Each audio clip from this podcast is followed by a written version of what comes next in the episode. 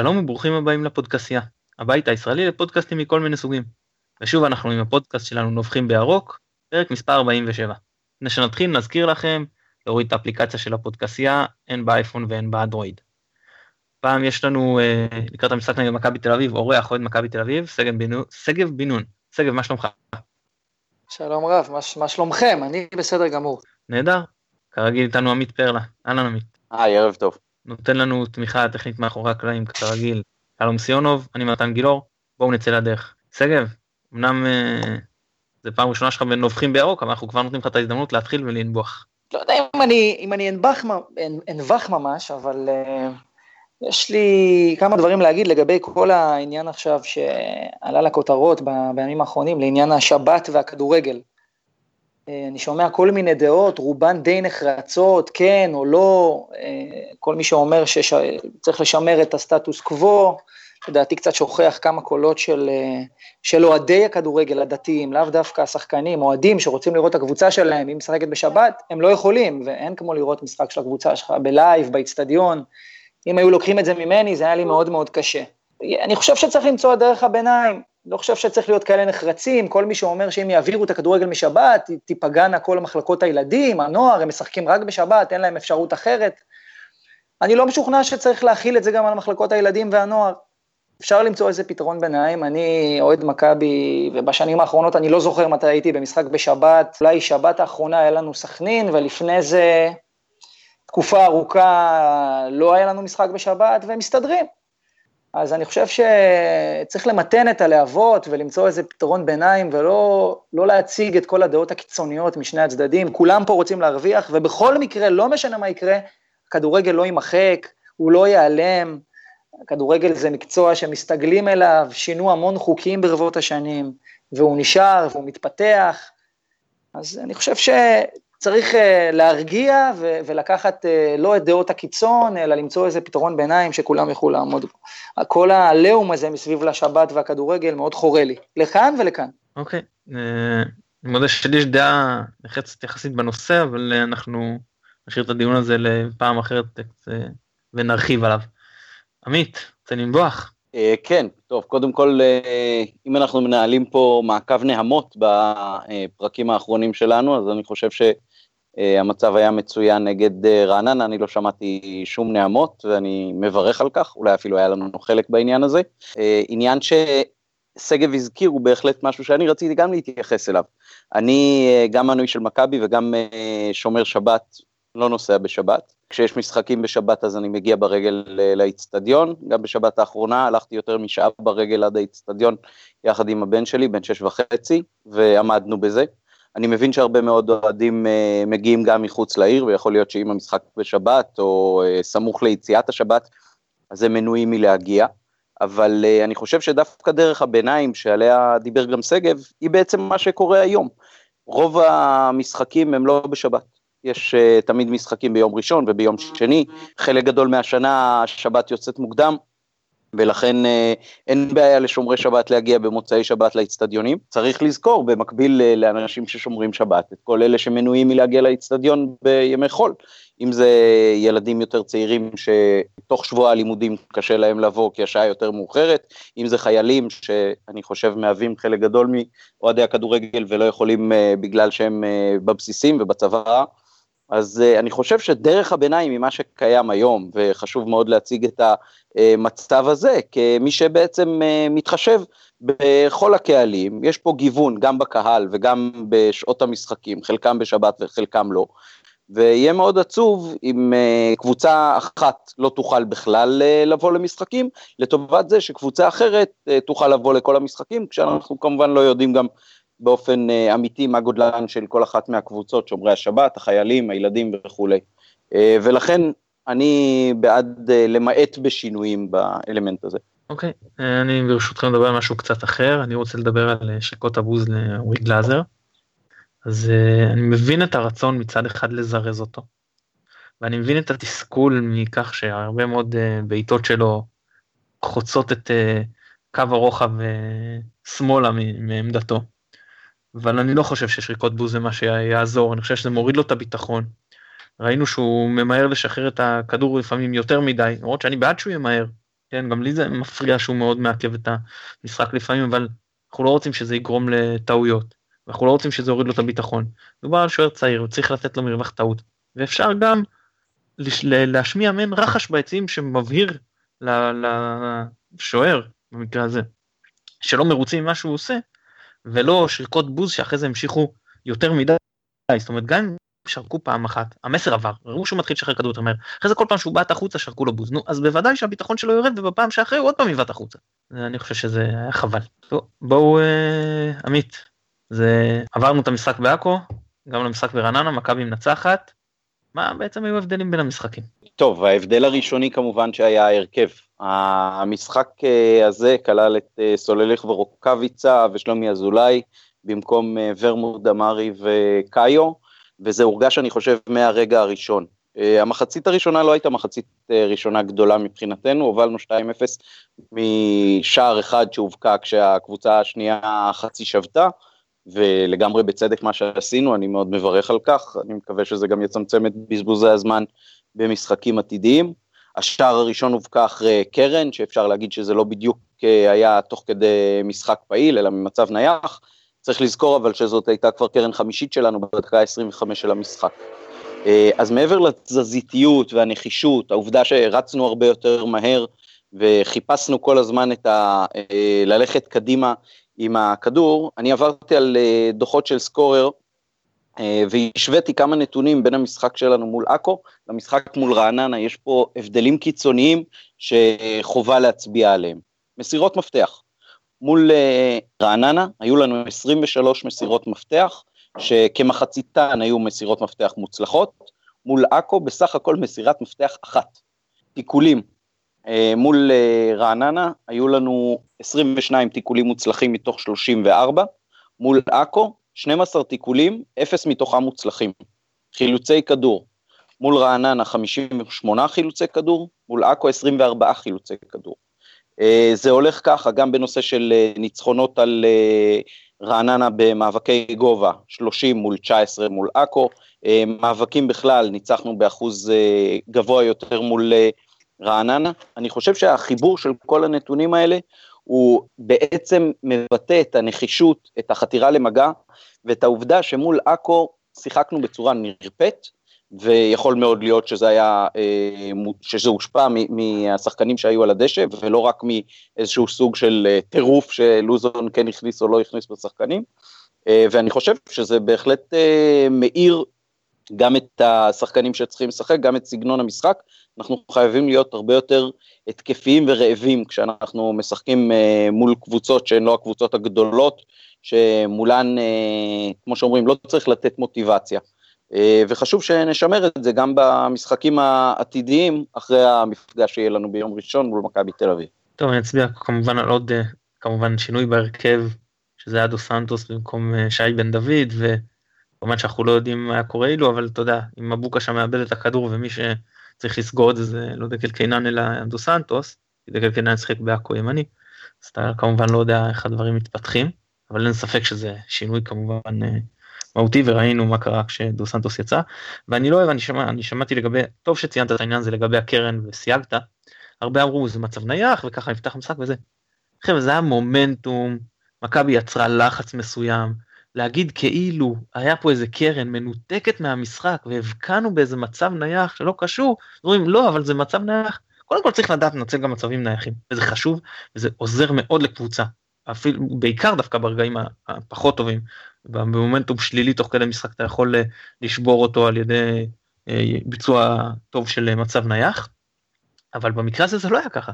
זאת אומרת מכבי תקפה הייתה קבוצה עדיפה על המגרש. להגיד שזה אם זה לא היה קרן כמובן שאנחנו לא נביאים אני לא יודע מה קורה אילו אבל. זאת אומרת זה, הדברים האלה היו באוויר. אגב ביצוע נפלא של אה, עמרי בן ארוש נגיחה מאוד קשה. כל הכבוד לו על זה. נכון וגם צריך לציין צריך לציין שהקרנות של אה, שלומי באופן אה, כללי במשחק הזה הלכו טוב מאוד לאזורים המסוכנים ברחבה ויצרו יותר ממצב מסוכן אחד. בהחלט, אני חשבתי שאולי גילי ורמוט על הספסל שאל את עצמו למה הוא עובר את השחקן הראשון, אמורים למסור לשחקן הראשון שעומד שם. הוא לא הבין כאילו מה, מה פתאום שנעבור. גם אם הוא מהקבוצה היריבה, כן. בדיוק. סגל, בואו נדבר קצת על אה, מכבי תל אביב. אם יש לך איזה שתיים שלוש מגמות עיקריות שאתה מזהה מתחילת העונה בקבוצה, שאתה רוצה להצביע עליהן. יש, אה, יש לי איזה שלוש מגמות שחשבתי עליהן, שתיים אה, יותר מקצועיות אה, שנוגעות לעניין ה, על, על קר הדשא, מה שנקרא, ומגמה אחת שלדעתי זה הופכת להיות מגמה, אני, אני, אני מניח שהיא מגמה, בעניין, ה, בעניין מדיניות הרכש. אני אתחיל דווקא משהו הלא מקצועי, מדיניות הרכש, מה שקורה במכבי בתקופה האחרונה, אני חושב שזה... הניצנים היו עוד ב, בינואר שעבר, שהביאו את שני הברזילאים, את מרסלו ורמון, שמרסלו הגיע בהשאלה עד תום העונה עם אופציה לרכישה. והסיפור הזה לדעתי זה סטארט-אפ אה, במכבי, אני לא, לא עוקב מספיק אחרי שאר הקבוצות כדי להגיד, אני חושב אבל שזה, אם, אם מועדון אה, מצליח להביא שחקן שהוא חושב שהוא שחקן טוב, ולא מתפשר על השכר שלו, אבל יש כל מיני סימני שאלה מסביבו, כמו שהיו, אגב, עם שני הברזילאים, אה, לא ראינו אותם לפני, לא שמענו עליהם, הם לא שיחקו באירופה, הם לא באים עם רזומה. אז במקרה של הברזילאים, נכון לעכשיו, נראה שנפלנו רק בברזילאי אחד, בדיוק בגלל הקונספט הזה של השאלה עם אופציה לרכישה. יש לנו עוד כמה שחקנים כאלה השנה, אני חושב שבלקמן הגיע תחת אה, הסכם כזה אה, אה, בטוקיו, סוסיץ', אחד מהם, שמה שקורה זה שברגע ש... נתנו עונה טובה, כל עוד האופציה היא של מכבי, ונתנו עונה שלדעת אה, קברניטי המועדון לא יכולים להביא זר שישדרג, או ישראלי שישדרג את העמדה, אז ממשיכים עם זה. ממשיכים, משלמים את השכר שלהם, ומוסיפים על דמי השאלה, או שרוכשים אותם אם ראו שפרק זמן אה, נכבד הם שיחקו והביאו קבלות, ואם לא, נפרדים בסוף העונה.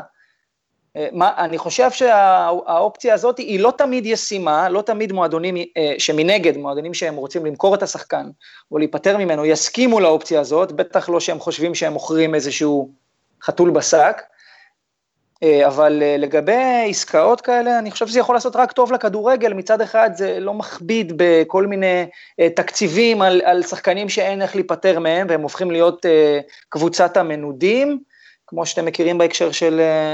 חיפה, או, או בהקשר של קבוצות אחרות כאן, לאו דווקא חיפה. אני חושב שהמגמה הזאת היא מגמה שבעיניי היא טובה והיא חייבת להימשך. על קר הדשא, מה שאני הצלחתי לשים לב, קודם כל שניכר על ג'ורדי שהוא מאמן חסר ניסיון, לדעתי זה בא לידי ביטוי בשינוי המערכים התכוף אה, תוך כדי המשחק.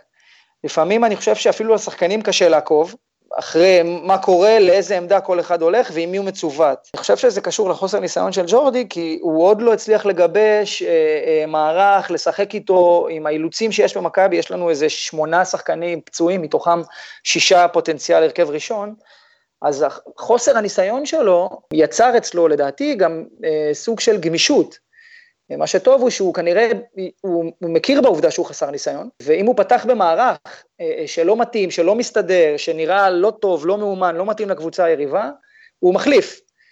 אז uh, במשחק uh, מול נתניה, במשחק מול בני סכנין, אפילו מול אלטח, זה הלך. אני חייב להודות שלפרקים זה נראה לא טוב. Uh, במגרש יש כמה דקות של, uh, של uh, קצת בלאגן, זה דקות קריטיות שאנחנו חשופים ואפשר לעקוץ אותנו, אבל uh, אין ברירה.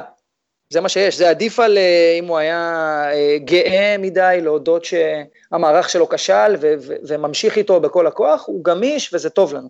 המגמה השנייה שאני מזהה מבחינה מקצועית היא שמכבי הפסיקה עם משחק הלחץ, בטח עם משחק הלחץ שהיה מאפיין אותה בשנים הקודמות. אני עדיין לא יודע להגיד אם זה נובע מחוסר אה, כושר גופני או מעייפות, או מזה שפשוט ג'ורדי הבין שאנחנו מגעים, רוב המשחקים הם נגד קבוצות שעל הנייר לפחות, פחות טובות ממכבי. והקבוצות האלה, המאומנות שבהן, מסתגרות ויוצאות למתפרצות, ומשחק הלחץ לא, לא, לא יוצר מרווחים, ההפך, הם נשארים אה, אה, מכווצים בשליש המגרש שלהם, וזה מקשה על מכבי ליצור הזדמנויות. אני חושב שאולי הרעיון מאחורי זה הוא פשוט אה, לתת לקבוצה היריבה לתקוף, ולנסות לצאת להתקפות מעבר מהירות. בינתיים זה לא עובד משהו, בטח שחסרים לנו כל כך הרבה שחקנים, אה, טל בן חיים היה יכול ליישם את השיטה הזאת, אבל הוא כבר לא איתנו, דור מיכה נפצע עכשיו והוא ספק הכדורים העיקרי, בלקמן עדיין לא מביא את מה שאנחנו חושבים שיש לו, את הניצוצות שהוא הראה, למעט אתמול. זה כרגע מה שאני מצליח ללמוד מה, מהמספר המועט של המחזורים ש, ששמתי לב שקורה במכבי. אוקיי, okay, אה, uh, אני אגיד שהיום uh, אני ראיתי אצל גיד שלי, הוא דיבר על זה וגם היה סורק כתבה על זה. הם הצביעו יפה על עניין שמכבי תל אביב חוזרת מהמחצית, טוב מאוד, בדקות שאחרי המחצית היא מרבה לכבוש. ובכלל אני שמתי לב שבמחצית השנייה היא, היא משחקת יותר טוב, היא חוזרת מפיגורים, הכושר הגופני מאוד הרשים אותי, אני גם ראיתי את המשחק בפראג, וממש במחצית השנייה הם היו, במחצית הראשונה הצ'כים היו עדיפים בצורה משמעותית, זה גם יכול להיגמר 3 או 4 בקלות. במחצית השנייה מכבי תל אביב שלטה במשחק, יצרה מצבים, ראו שהם לא נופלים מבחינת הכושר הגופני מול קבוצה אירופאית. אני כאילו מבחינתנו שאני מסתכל על המשחק הבא אני גם אומר אוקיי הכושר הגופני שאנחנו דווקא מרבים לספוג בדקות האחרונות משהו שקצת אה, מדאיג אותי יכול לעורר אופטימיות אצל האוהדים של מכבי תל אביב מהבחינה הזו. טוב. אני נוטה, אה, להסכים. אה, בואו נעבור לדבר על מעין trade שהיה לא מזמן בין הקבוצות. נכון זה חדש קשה להגיע פה לאיזה מסקנות מרחיקות לכת אחרי שכל אחד ששלומי אזולאי ישחק משחק וחצי ואתה מחצית נגיד במצטבר אבל בגדול כשאתם מסתכלים על ה trade הזה כי עוד לא ניתחנו אותו אצלנו בפודקאסט מי מבחינתכם הרוויח אולי שתי הקבוצות מי הפסיד שוב אולי שתי הקבוצות או מי הרוויח יותר מי, מי הפסיד יותר נזכיר שהוא עבר פה כאילו אזולאי וכסף תמורת אה, אלירן עטר. זה עמית בוא תתחיל. טוב אני חושב שמכבי חיפה קיבלה בהחלט אה, שדרוג כי שחקן מהסוג של שלומי אזולאי שיכול לשחק אה, באמצע וגם להניע את ההתקפה חסר לנו. אה, לדעתי השחקן היחידי שענה על התפקיד הזה עד עכשיו היה ורמוט ועכשיו בהחלט יש שחקן יותר צעיר עם כושר גופני יותר טוב שגם תורם יותר בחלק ההגנתי וגם יכול להפעיל את החלק הקדמי קיבלנו דוגמה קיצונית לטובה בעניין הזה במשחק מול רעננה עם ארבעה בישולים. אה, לגבי אה, מכבי תל אביב, זה מאוד מאוד בספק. עטר אה, לא נתן עונה גדולה בשנה שעברה, החדות שלו לדעתי מאוד מאוד נפגעה, אם בגלל פציעות, אם בגלל גיל, אם בגלל מוטיבציה, וזה מאוד מאוד בסימן שאלה. אני לא בטוח שהוא משדרג את מכבי תל אביב, שיש לה חלק קדמי עשיר מאוד בשחקנים, שלפחות על הנייר כרגע נמצאים בכושר יותר טוב. ויכול להיות שהפוטנציאל הזה של אה, עטר כבר לא יתממש מעבר לעונות שיא שלו. כרגע לדעתי אה, אנחנו בעדיפות מבחינת הרווח והפסד בעסקה הזאת. אוקיי, okay, אני אגיד קודם כל שלדעתי שתי הקבוצות הרוויחו. נתחיל עם אה, מכבי תל אביב, מבחינתם אז אולי הם לא השתמשו בו. ובעטר אני מניח שהם השתמשו יותר. צד שמאל זה פחות אצילי יותר טוב בימין ומיכה יותר טוב בימין. צד שמאל טיפה יותר חסר להם הבחינה הזאת, גם יש בסופו של דבר איזושהי מגבלת אה, זרים, והם יודעים, אה, יביאו שעה והכל. שם אני חושב שהוא יכול אה, לסייע גם כמחליף, לתת להם עוד אה, אופציות, ומבחינתנו כמובן הוא לא נתן לנו כלום, אז אנחנו לפחות כאילו בעונה האחרונה אני חושב שהוא אפילו יותר הזיק מאשר תרם אזולאי, שחקן שנכנס להרכב. מנהל את ההתקפות. אגב, אני לא בדיוק מסכים איתך על העניין של ורמוט, אני חושב שהתפקוד שלהם שונה, אני חושב ששחקנים בסגנון שונה, נכון שגם אזולאי מבשל ונכון שגם ורמוט יודע מידה מסוימת לנהל את ההתקפה וזה לא בדיוק כאילו ורמוט משחק בעמדה יותר קדמית הוא טריוויאליסט הרבה יותר טוב מאזולאי אין בכלל מה להשוות אני חושב שגם כשהוא משחק קרוב לרחבה הוא יוצר יותר לאחרים מאשר אזולאי והוא בטח יותר גולר. אולי אזולאי אולי בעיטות מרחוק אבל כשאנחנו מדברים על להיכנס, להיכנס לרחבה אז בזה ורמוט אה, שחקן עדיף. אה, אזולאי הוא ממש יותר מנהל משחק מאחורה וזה לא היה לנו לא היה לנו את הפונקציה הזאת העונה. ובאמת אתה רואה שכבר במשחק הראשון שחקן, אני שם רגע את הבישולים בצד שהם גם משהו חשוב, אבל ממש מישהו ניהל את המשחק, היה בעל בית במרכז המגרש של מכבי. אז זאת אומרת, מבחינתי זה מה שאומר, כבר הרווחנו פה בגדול, כשאני אומר שוב שתי הקבוצות הרוויחו, אני חושב שמכבי חיפה הרוויחה פה יותר משמעותי, כי מבחינתה הרוויחה שחקן שהוא חשוב ושחקן אה, הרכב, לעומת מכבי טיב שהרוויחה עוד תוספת לרוטציה, אני חושב שעטר גם הוא יבוא שם עם יותר חשק, והוא ירגיש יותר טוב, ירגיש שהמעמד שלו יותר טוב. אצלנו הנפילה הזאת במעמד, מהרגע שהוא היה שם עם אה, יוסי כשחקנים בכירים, ועד הרגע שהוא היה יודעים, קצת אה, נדחק בהיררכיה, אז זה, זה פגע בו. ופה הוא מההתחלה בא במקום שהמקום ברור לו, הוא לא חושב שהוא הכוכב הגדול של הקבוצה, זה נראה לי obvious. שם אני חושב שהוא יתנהג יותר לעניין והם יוכלו ליהנות ממנו יותר, הרבה יותר ממה שאנחנו נהנינו ממנו. אני, אני אוסיף פה כן שורה אחת uh, שאתה התחלת אותה. בסופו של דבר שלומי אזולאי יש לו סיכוי לשחק הרבה יותר דקות במכבי חיפה, ולכן מהבחינה הזאת היא הרוויחה שחקן שהוא הרכב או על סף ההרכב. אה, אה, עטר הגיע למכבי תל אביב כשחקן שהוא שחקן שהוא שחקן רוטציה, שחקן מחליף, לא בהכרח הכוכב של הקבוצה ולא בהכרח יעלה בהרכב. וזה רק דבר אחד, אנחנו עוד לא יודעים איך עטר יתנהג ויגיב ויועיל כשהוא יהיה שחקן שהוא לא שחקן הרכב בטוח. הוא עד עכשיו, רוב הקריירה שלו שיחק כמי שאמור לפתוח בכל משחק. אז אתה לא יודע איך הוא יתנהל כשזה לא יקרה. נכון, צריך לראות גם איך, איך הוא יתנהג אחרי שהם יודחו מאירופה. אתם יודעים, אני כאילו לא נביא אבל אני לוקח פה איזשהו הימור ככה לא חושב שהם לא יזכו ב, בליגה האירופית וגם לא יגיעו לגמר וגם לא לחצי גמר. אז אה, נגיד מקסימום מעבר של שלב בתים יעברו עוד שלב אחרי זה באמת יהיה הישג פנטסטי. אז אה, שם יהיו לו הזדמנויות. הזמן באירופה יהיו לו הזדמנויות לשחק וראינו שהוא שיחק אה, בפראג שיש עומס בכמה מסגרות אחרי זה אולי גביע אבל ברגע שיגמרו שאנחנו נרד בתדירות אז באמת זה ייבחן, כי אז הוא סביר להניח יותר שהוא יקבל פחות הזדמנויות. ואז באמת האופי שלו הלא פשוט, שאף פעם לא היה פשוט, זה גם ג'ורדי קרויף יודע, שאז אמר לו לא להתראיין והכל. אה, יצטרך להתמודד עם זה, אגב מבחינה הזאת, קרויף יודע לנהל כוכבים. אני, יותר טוב מהמאמנים שהיו אצלנו, אני לא אומר שהוא כזה מאמן גדול, אבל לנהל כוכבים הוא יודע. טוב, בואו אה, נעבור לדבר קצת על, אה, על המצ'אפ יש לנו לקראת יום ראשון, אז נעבור ככה צד צד אמצע וחלוץ על בלמים. בואו נתחיל עם אה, צד ימין של אה, מכבי חיפה, צד שמאל של מכבי תל אביב. אנחנו מדברים בעצם על מבוקה וסולליך מצד אחד ודוד זאדה ובלקמן מצד שני. זה שגב, בוא תתחיל, איך אתה רואה את המצ'אפ הזה? קודם כל אני חושב שנתחיל מהסוף, אה, המצ'אפ הזה מאוד מאוזן. אני לא חושב שיש פה לאחד הצדדים יתרון מובהק. יש בקטנות, פה ושם, אה, כי זה, זה, זה די תלוי, קודם כל אני ראיתי את, אה, את חיפה אה, בכמה משחקים, וראיתי את מבוקה, אני חושב, נגד באר שבע, הוא נתן משחק שאמרתי שזה משחק לנבחרת, ואחר כך במשחק נגד עכו לדעתי, הוא עשה שם חורים שלא ברור איך הוא עלה מהנוער, לדעתי הוא אחראי לאיזה עקב שגרם לגול הראשון או משהו כזה, שאני לא יודע איזה מבוקה יגיע נגד מכבי. אני מניח שיגיע המבוקה שיגיע נגד באר שבע, האווירה, הדרייב, הטירוף, אני מניח שיגיע מבוקה שהוא בהחלט אה, שחקן אה, אה, טוב, מגן טוב ומתקיף טוב.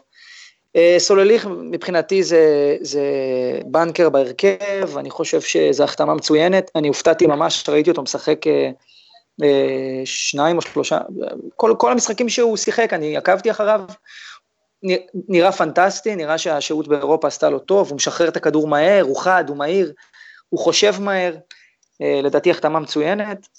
אה, לגבי מכבי, אה, דוד זאדה אה, היה ההחתמה הפייבוריטית שלנו בקרב האוהדים שאני מכיר, לא לפני שהוא הוחתם, אלא רק אחרי שראינו אותו משחק. לפני שהוא הוחתם, אני חושב שהוא היה מאוד underrated. אחרי שראינו אותו משחק כמה משחקים, הוא הביא למכבי בצד שמאל, מה שלא היה במכבי הרבה הרבה שנים. מגן שמאלי זה עמדה מאוד בעייתית במכבי, היו שנים שרוב השערים שהיינו סופגים היו מצד שמאל ולא היה לנו שום, שום התקפה משם. הוא בינתיים עושה עבודה מצוינת, לעניות דעתי, אה, ככה שזה בינגו רציני. ולגבי בלקמן, אם היית שואל אותי לפני אתמול, הייתי אומר לך שיש לו כדורגל, אבל הוא, הוא עדיין לא הביא את זה, לא הגיע לכאן איזשהו כוכב מליגה אנגלית. אחרי אתמול, שפתאום הוא הראה שמה שחשבנו שהוא יודע לעשות, הוא באמת יודע לעשות, הוא איום תמידי, בוא נגיד ככה, זה שחקן שיודע לעשות צעד מהיר אה, אה, לכיוון המרכז ולבעוט ברגל שמאל כדורים אימתניים, הוא חזק, הוא מהיר, הוא לא מאבד הרבה כדורים, אה, לא בשטחים מסוכנים לפחות. אני חושב שהמצ'אפ הזה הוא מצ'אפ אה, מאוד מאוד מאוזן, אה, והוא יוכרע ב, ביכולת אישית. הוא לא יוכרע במערך, הוא לא יוכרע במאמנים, בטקטיקה, הוא יוכרע ביכולת אישית, הוא יוכרע באיזה דריבל של בלקמן, איזה הרמה מדויקת של מבוקה, או, או פס בין שתיים. אה, ולדעתי הצד שמאל של מכבי, ימין של מכבי חיפה יהיה מאוד מאוד אה, מאוזן במשחק. טוב, אני אגיד שלדעתי זה הצד החזק של אה, שתי הקבוצות, כולל, כולל האמצע, כולל צד שני, כולל מה שאתם רוצים. באמת, זה, זה, זה גם אני חושב שזה סך הכל מצ'אפ מאוזן. שחקנים אתלטים עם יכולות גבוהה טכניים גם אגב מי שמחפה בצד הזה ותקן אותי אם אני טועה ראיתי שלפחות בפראג טל בן חיים שיחק בלם שמאלי נכון? תקן אותי אם אני טועה. כן. אז... אה, טל בן חיים בפראג שיחק בלם שמאלי, כן. לא, דווקא ימני, אני חושב שימני, אני חושב שימני. אני חושב שימני, ואגב, טל בן חיים הוא כרגע הבלם הכי טוב בארץ. בי פאר. אז לפחות הישראלי אני מסכים. לא משנה אז בוא, בוא נניח ששחק ימני אז, אז אני חוזר בעניין של החיפוי אבל כי דו סנטוס כן מחפה פה על ימין שזה חשוב מאוד מבחינת uh, מכבי חיפה זה מאפשר גם למבוקה יותר uh, חופש אבל uh, זהו אז, אז היתרון קודם כל יש עדיין יתרון פיזי של מבוקה על דוד זאדה גם במהירות אבל זה פחות ממה שראינו במשחקים קודמים. סולליך קבלת החלטות מצוינת מול רעננה נצטרך לראות אותו איך שזה יהיה קצת יותר עם אתגר. אני חושב שהמצ'אפ הזה יוכרע מעבר ליום וכמובן דברים אתה יודע בסופו של דבר דברים יכולים ליפול על מהלך אחד השפיץ של הנעל כמו שאומר שלמה שפט אבל על העזרה להגנה של סוליך ובלקמן. על העניין הזה שאם הם לא יעזרו מספיק, מספיק שאחד מהם חולם אז מבוקה ודוד זאדה שחקנים שיודעים להכניס כדור לרחבה ותיתן להם את החופש הם יעשו את זה.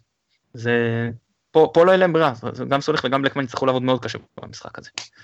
אה, טוב בואו נמשיך לצד השני זה מכבי תל אביב בצד ימין אה, שלהם משחקים שפונגין ואצילי, ואצלנו זה עמרי בן ארוש וניקיטה רוקאביצה, עמית.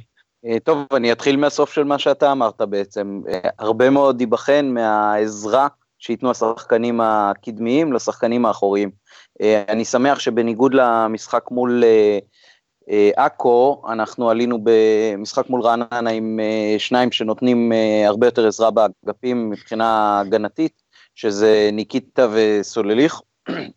יש להם את הכושר ויש להם את הרצון uh, לעשות את זה כנראה הרבה יותר מקאיו וורמוט שלכאורה היו אמורים לעשות את זה מול uh, עכו ולא כל כך הצליחו.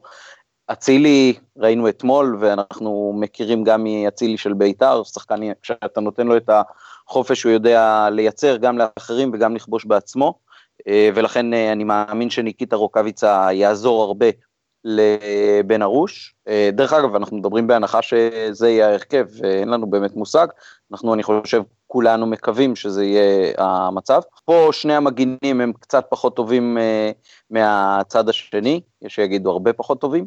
אני חושב שבן ארוש כן uh, תורם התקפית יותר משפונגין, כשמסתכלים על ניתוח נתונים שלו מהמשחקים האחרונים, יש לו הכנסות כדור יפות מאוד, אה, שחלקם רק במקרה לא נגמרו בשערים. אני חושב שיש לנו יתרון קל בצד הזה מבחינת המגן. מבחינת הצד ההתקפי, יש פה יתרון למכבי תל אביב, ואצילי מייצר יותר מרוקאביצה, אבל אם יתפתח אה, סגנון המשחק כמו שהיה מול אה, באר שבע, אז רוקאביצה הוא בהחלט שחקן מפתח במערך שלנו, הוא זה שהיה אחראי בעצם לשערים, או אחראי מרכזי לשערים ולהרחקה ולפנדל מול באר שבע, אם אנחנו נצליח אה, לגרום למצב כזה שיש לו את ההזדמנויות לעשות את זה גם מול מכבי תל אביב, זה יכול להיות בהחלט אה, אחד המפתחות לניצחון במשחק הזה. טוב, אז אה, בסך הכל אני מסכים איתך. קודם כל אני מאוד חושש, אני מודה, עמרי בן ארוש שם, ומי שאמור לעזור כביכול לחפות זה דקל קינן. פה הקישור יצטרך אה, מאוד uh, לסייע בצד הזה מעבר לרוקאביצה אז צד אחד זה באמת רק אצילי פה הוא, הוא באמת איום uh, התקפי אני לא באמת לא דואג משפונגין ורוקאביצה יצטרך לעצור והוא עוזר הוא עוזר הרבה יותר ממה שאצילי עוזר בצד שלו שזה יתרון גדול אבל כמובן שאצילי מייצר על הקו הרבה יותר מרוקאביצה אין בכלל מה להשוות. כמו שאמרת בסגנון משחק מסוים ברגע שרוקאביצה יכול לחתוך לאמצע לשטח מת אז פה הוא כבר הרבה יותר מסוכן אולי מכל שחקן בארץ שהוא מה שנקרא מזריק את הנייטרו ונותן שם אה, ספרינטים על 30 אה, מטר. זהו אבל, אבל פה אני חושב שהוא משחק אם אמרנו שטל אה, בן חיים בלם ימני אז כמובן שהוא יוכל, אז שהוא יוכל לעזור עליו. אז זהו אני חושב שבאמת זה חלק החלש של שתי הקבוצות נראה איך נצלו את זה אולי באמת ראינו שקוסטדינוב בא הרבה שמאלה במשחק נגד רעננה ששם זה קצת יצר פקק אולי הפעם יותר מרחבים אז הוא יוכל להיות יותר יעיל שם לשפונגין. בואו נעבור לדבר על הקישור. אז שוב כמו שעמית ציין זאת הערכה כמובן אנחנו מדברים על גלברמן קוסטדינו ואזולאי מול יני בטוקיו ורודריגז או סושיץ' שגב. קודם כל הקישור נכון לעכשיו זה הקישור שאני אומר קישור מדבר אמצע אמצע אמיתי זה עמדה בעייתית של מכבי. אני חושב ש... שמכבי החתימה את גולסה אני ספק אם לקחו בחשבון את, את, ה... את רמת הפציעות שלו. אנחנו בקרב האוהדים יש ספק גדול אם הוא יחזור העונה או בכלל. נראה כאילו הקריירה שלו למרבה הצער הולכת לא למקום טוב, כך זה נראה, מהצד, בלי שום ידע, אני אומר את זה מרחשי ליבי ורחשי חבריי, לא, לא, לא משהו מידע. והחור הזה שהוא משאיר זה חור גדול, כי גולסה הוא, הוא, הוא לא נראה כמו, אבל הוא גרזן אמיתי. במשחקים שהוא משחק במכבי, הוא, הוא נכנס, הוא אמנם פיזית יחסית, יחסית קטן, אם אתה שם אותו ליד אה, אוגו, אבל הוא לא פוחד להיכנס לשום תיקול מול כל אחד, הוא יורד על, ה, על, על, על, על הרצפה, אני חושב, לא פחות מאלברמן. אה, הוא מהיר, הוא זריז, הוא משחרר כדור מהר, הוא לא מאבד כדורים.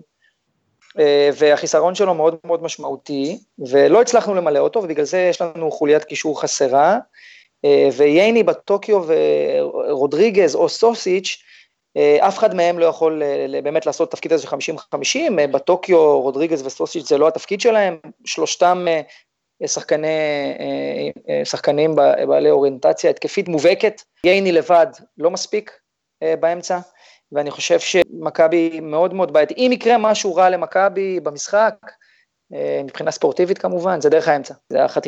זה ששחקני הכנף שלכם יחתכו למרכז, ו... והקישור שלנו לא מספיק מהיר ולא מספיק חזק להתמודד איתם. לגבי הקישור של מכבי חיפה, אני חייב להודות שאת אה, קוסטנדינוב אני לא, לא מכיר מספיק טוב, ראיתי אותו בכמה הבלחים בנבחרת, שהיה נראה לא רע בכלל. אה, אזולאי בעיניי עדיין סימן שאלה, אני חושב שהוא יכול לגדול להיות אה, שחקן מעולה, הוא עדיין לא הביא את זה. וגל אלברמן, עד כמה שאני חושב שהוא מנהיג ושחקן ענק, הוא רחוק מהשיא שלו. יש מחיר כבד שמשלמים על, ה, על הגליצ'ים האלה שהוא רץ עם שחקן וגולש לפניו כדי לחלץ את הכדור וכל הקהל עומד ומריע. זה הולך בערך ביחס של 50 או 30 אחוז, ושאר הפעמים שזה לא עובד זה מוביל להתקפה מתפרצת מאוד מהירה. אז אני חושב שהאמצע פה זה, זה בעיה של שתי הקבוצות, השאלה איזה מאמן ידע לנצל את החיסרון של הקבוצה השנייה ולהפיק משלו יותר. אני לא משוכנע ששני ה... שני מרכזי השדה האלה יחזיקו עד סוף העונה, לדעתי צפויים שדרוגים בש, בשתי הקבוצות. לדעתי, אה, בסגנון המשחק שאנחנו בונים עליו, שזה כנראה משהו שקצת יותר דומה לאופי המשחק שהיה לנו מול באר שבע, אז אה, אני מאוד אשמח אם אה, נטע לביא ייכנס להרכב. אני לא יודע אם במקום שחקן קדמי או במקום קוסטדינוב, אבל אני חושב שיש לו פוטנציאל הרבה יותר טוב לשמש אותנו בצד ההגנתי. קוסטדינוב גם במשחק האחרון מול רעננה הלך הרבה מאוד uh, קדימה. במשחק מול באר שבע הוא לא ממש הצטיין במחצית הראשונה, ובגלל זה הוא גם הוחלף בנטע לביא, שנתן מחצית שנייה נהדרת. אז נכון שנטע לא היה בהרכב בשני המשחקים האחרונים, וגם לא שיחק במשחקים האלה בכלל, וגם לא היה בסגל במשחק האחרון. אבל זה בהחלט שחקן שאנחנו לדעתי זקוקים לו כשאנחנו הולכים למשחק חוץ מול מכבי תל אביב, שחקן שיכול לחלץ הרבה יותר כדורים, אה, ויכול להיות שזה יהיה על חשבון קוסטדינוב או על, חשבון אה, קלאוס. אני לא בטוח שזה יהיה ה matchup כמו שתיארת אותו, ואני כן מאוד חושש גם מלחץ של מכבי תל אביב על אה, אלברמן או קוסטדינוב, כל מי שינסה לקבל כדורים מהבלמים שלנו ולהתחיל התקפות. זאת נקודת אה, כשל אצלנו במשחקים שלוחצים את אה, אלברמן, ראינו את זה גם מול עכו וגם מול אה, בני יהודה. אני אשמח אם אה, נטע יהיה שם כדי לעזור. טוב, אה, אמרתם יפה, ואני רגע ניגע בגולסה, מבחינתי זה היה לי ברור שמגיע פה שחקן בתוך קלקר, כאילו, כל מי שראה אותו במכבי חיפה ידע שהוא אה, ממהר, נוטה להיפצע.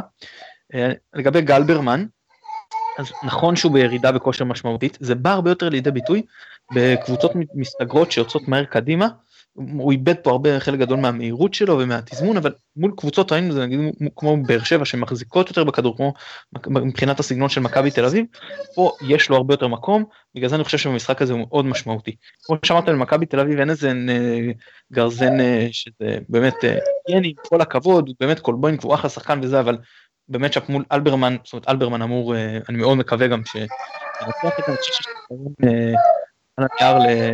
למכבי חיפה. אה, זהו, מבחינתי זה matchup שהוא must לנצח אותו, גם אם זה אומר שקוסטדינוב צריך קצת לבוא אחורה ולוותר על הכניסות שלו לרחבה. פה אנחנו חייבים להפריע למכבי תל אביב לפתח את המשחק. יש לנו את הכלים, וצריך לנצל את זה גם להרוויח כדורים ולאפשר לאזולאי לתת אותן מסירות אה, נפלאות שהוא נתן במשחק האחרון. אה, טוב, אז בוא, עמית, יש לנו את קלאוס שלנו, שלא יצאנו לראות אותו הרבה, והוא צריך להתמודד עם הבלמים של מכבי טיב, שזה כמובן טבח שמשחק נהדר, ואוטיבי או בבין, מה דעתך? כמו שאמרת, את קלאוס עוד לא ראינו מספיק, וגם עוד לא ראינו ממנו גולים, אבל כן מהמשחק האחרון, ואני חושב שדווקא התשואות של הקהל כשהוא הוחלף, והסיבוב ניצחון הזה שהוא עשה עם הקהל ועם הסלפים, מעיד על זה, על זה, על זה שהקהל ראה אותו מתאמץ. הוא בא אחורה, הוא מחפש את הכדורים, הוא נראה שעושה תנועה יחסית טובה בחלק הקדמי, וכשהשחקנים המהירים שלנו נמצאים בכנפיים, רוקאביצה וסולליך, אני חושב שיש לו פוטנציאל טוב uh, להוכיח את מה שהוא הוכיח ברוב עונותיו ביוון, ולחזור uh, לכבוש אחרי תקופה ארוכה שהוא לא עשה את זה. אני רוצה להגיד שהמשחק שלו מבחינתי, הדבר הכי חשוב שהוא צריך לעשות במשחק הזה, זה לעשות תנועה שתפנה לרוקאביצה שטחים. אם הוא יצליח לעשות את זה ולפנות לרוקאביצה שטחים, הרווחנו. זה מבחינתי, הלוואי גם שכמובן נכבוש, אבל על זה, על זה משהו שגיא לוזון צריך אה, לשים עליו את הדגש. טוב, סגב, בואו בוא נעבור לצד השני, אז יש לנו את אה, קיארטנסון מול אה, דו סנטוס וקיינן. טוב, טוב קיארטנסון זה כמו אה, כולסטרול, הוא, הוא רוצח שקט, אתה מתנהל אה, ביום יום, אתה חושב שהכל בסדר, פתאום התקף לב ואתה מת כי לא בדקת כולסטרול, זה אותו דבר הוא. הוא יכול 70 דקות לא לגעת בכדור, לאבד כל כדור במרכז המגרש, לא להוריד כדורים, לעשות את כל הקהל כבר עצבני, ופתאום נופל איזה כדור ברחבה שנראה לך שהוא לא, הוא לא נראה כמו שחקן שיש לו דריבל, והוא נותן גולים מדריבלים אה, מטורפים, הוא עשה את זה בדרבי עם דריבל ענק וסיומת ברגל שמאל, הוא עשה את זה לדקל קינן במשחק ה, לדעתי האחרון, או אחד לפניו, שלח אותו לאיזה ריצה והחלקה, אה, הוא עשה את זה אתמול, זה, זה כאילו כל הזמן הוא לידך ואתה לא חושב שהוא הולך לעשות את זה, ופשוט יש לו יכולת פנומנלית לשערים, הוא, הוא חלוץ שלא יישאר פה עוד הרבה. והרבה שמעתי ש... שמציעים על אה, תומר חמד, עשרה מיליון אה, פאונד אה, מהליגה השנייה באנגליה, אז אני חושב שאם תומר חמד שווה עשרה מיליון, אז קיארטנסון שווה בקלות כפול. לא יודע אם תומר, אם תומר חמד שווה עשרה, אבל זה פחות או יותר היחס. לגבי דקל קנן והוא, זה, זה mis-matchup, אין פה, אני לא חושב שיש פה יכולת לדקל להתמודד איתו, זה ייגמר בצהובים, באדומים. אה, דו סנטוס זה סיפור אחר, מהיר מאוד, הוא אגרסיבי, הוא משדר גם אחד כזה שלא פוחד ונכנס לתיקול. אני חושב שווידר, אם לא יקבל עזרה ויצטרך להתמודד לבד עם שניהם, יהיה לו קשה, אבל אה, אם הייתם שואלים אותי במשחק הזה מי יכבוש למכבי, אז אה, ודאי הייתי מהמר על קיארטנסון. טוב, מבחינתי זה המיסמט של המשחק, קיארטנסון על דקל קיינה. זה המקום שאיכשהו גיירזון צריך להחביא את הסיפור הזה. קיארטנסון אוהב מאוד, הוא אוהב מאוד למשוך uh, ימינה ולקבל כדור מהאגף. הוא שם לנו ככה שני השערים בתיקו 2 שהיה שנה שעברה, uh, ואז זה לא שינה שדקל שיחק אה, בימין, הוא בא אליו מימין, פרפר אותו. אני אה, פה נראה כמה דו סנטוס צריך לעזור למבוקה שיעלה ואז זה קצת מפקיר את דקל לבד. יש פה עניין מאוד מאוד בעייתי עם קיארטנסון שהוא באמת חיית רחבה והוא באמת קולר אה, נפלא. אני חושב שאתה קצת פה לשפוט את, התוצ... את הביצועים שלו בליגה הישראלית לעומת מה שחקן עושה בפרמייר ליג זה מאוד מאוד בעייתי וראינו את זה הרבה פעמים בעבר גם התמודדות הפיזית גם עוד הרבה דברים. זה קשה מאוד לעשות את ההשוואה הזאת, אבל בכל מקרה, נעזוב את ההשוואה לחמד, פיארטנסון באמת, שחקן פנטסטי, אותי אישית זה, זה, זה הכי מדאיג, הסיפור הזה, המצ'אפ הזה מול קיינה. טוב חברים, אז בואו נעבור לשלב ההימורים. יום ראשון, תשע בערב, סטדיון נתניה, מכבי תל אביב נגד מכבי חיפה. שגב, תן לי תוצאה. שתיים אחד, שתיים אחד לצהובים. חוזרים מפיגור. מכבי חיפה מובילה 1-0, מכבי חוזרת חצי שני. עמית, תוצאה. רחל שנה וברכותיה, 3-2 מכבי. טוב, אה, אני הולך על 3-1 למכבי תל אביב. שגב, המון המון המון תודה שהתארחת אצלנו. נהניתי מאוד חבר'ה, כיף אה, שיש שיח כזה של אוהדים אה, שהוא שונה מהשיח שאני נתקל בו לצערי במחוזות אחרים. היה תענוג, ואני אשמח שוב. שמחה, עמית, כרגיל תענוג. כן, גם לי היה, שתהיה שנה טובה לכולנו. אנחנו שוב נודה לשלום סיונוב שנותן לנו את התמיכה הטכנית מאחורי הקלעים. רוצים אה, לאחל לכם, לכל אה, מאזיני הפודקאסט, שנה טובה וחתימה טובה. וכמו שאתם יודעים, מחר אנחנו כבר מקליטים בערב מבחינתנו קצת הכוכבים, עכשיו אנחנו בערב חג, אז אה, מחר זה יום הדין. ואם במקרה פגענו במישהו או העלבנו מישהו, אז אנחנו אומרים לכם שלא התכוונו, וניסינו מאוד להקפיד שאנחנו לא פוגעים באף אחד. אבל אם כן, אז אנחנו מבקשים סליחה ומחילה, ושגם לא נפגע באף אחד בשנה הבאה. אז המון המון תודה לכם שהאזנתם לנו, מקווים שתמשיכו להאזין לנו גם בשנה הבאה. אני מתן גילאור, ביי ביי.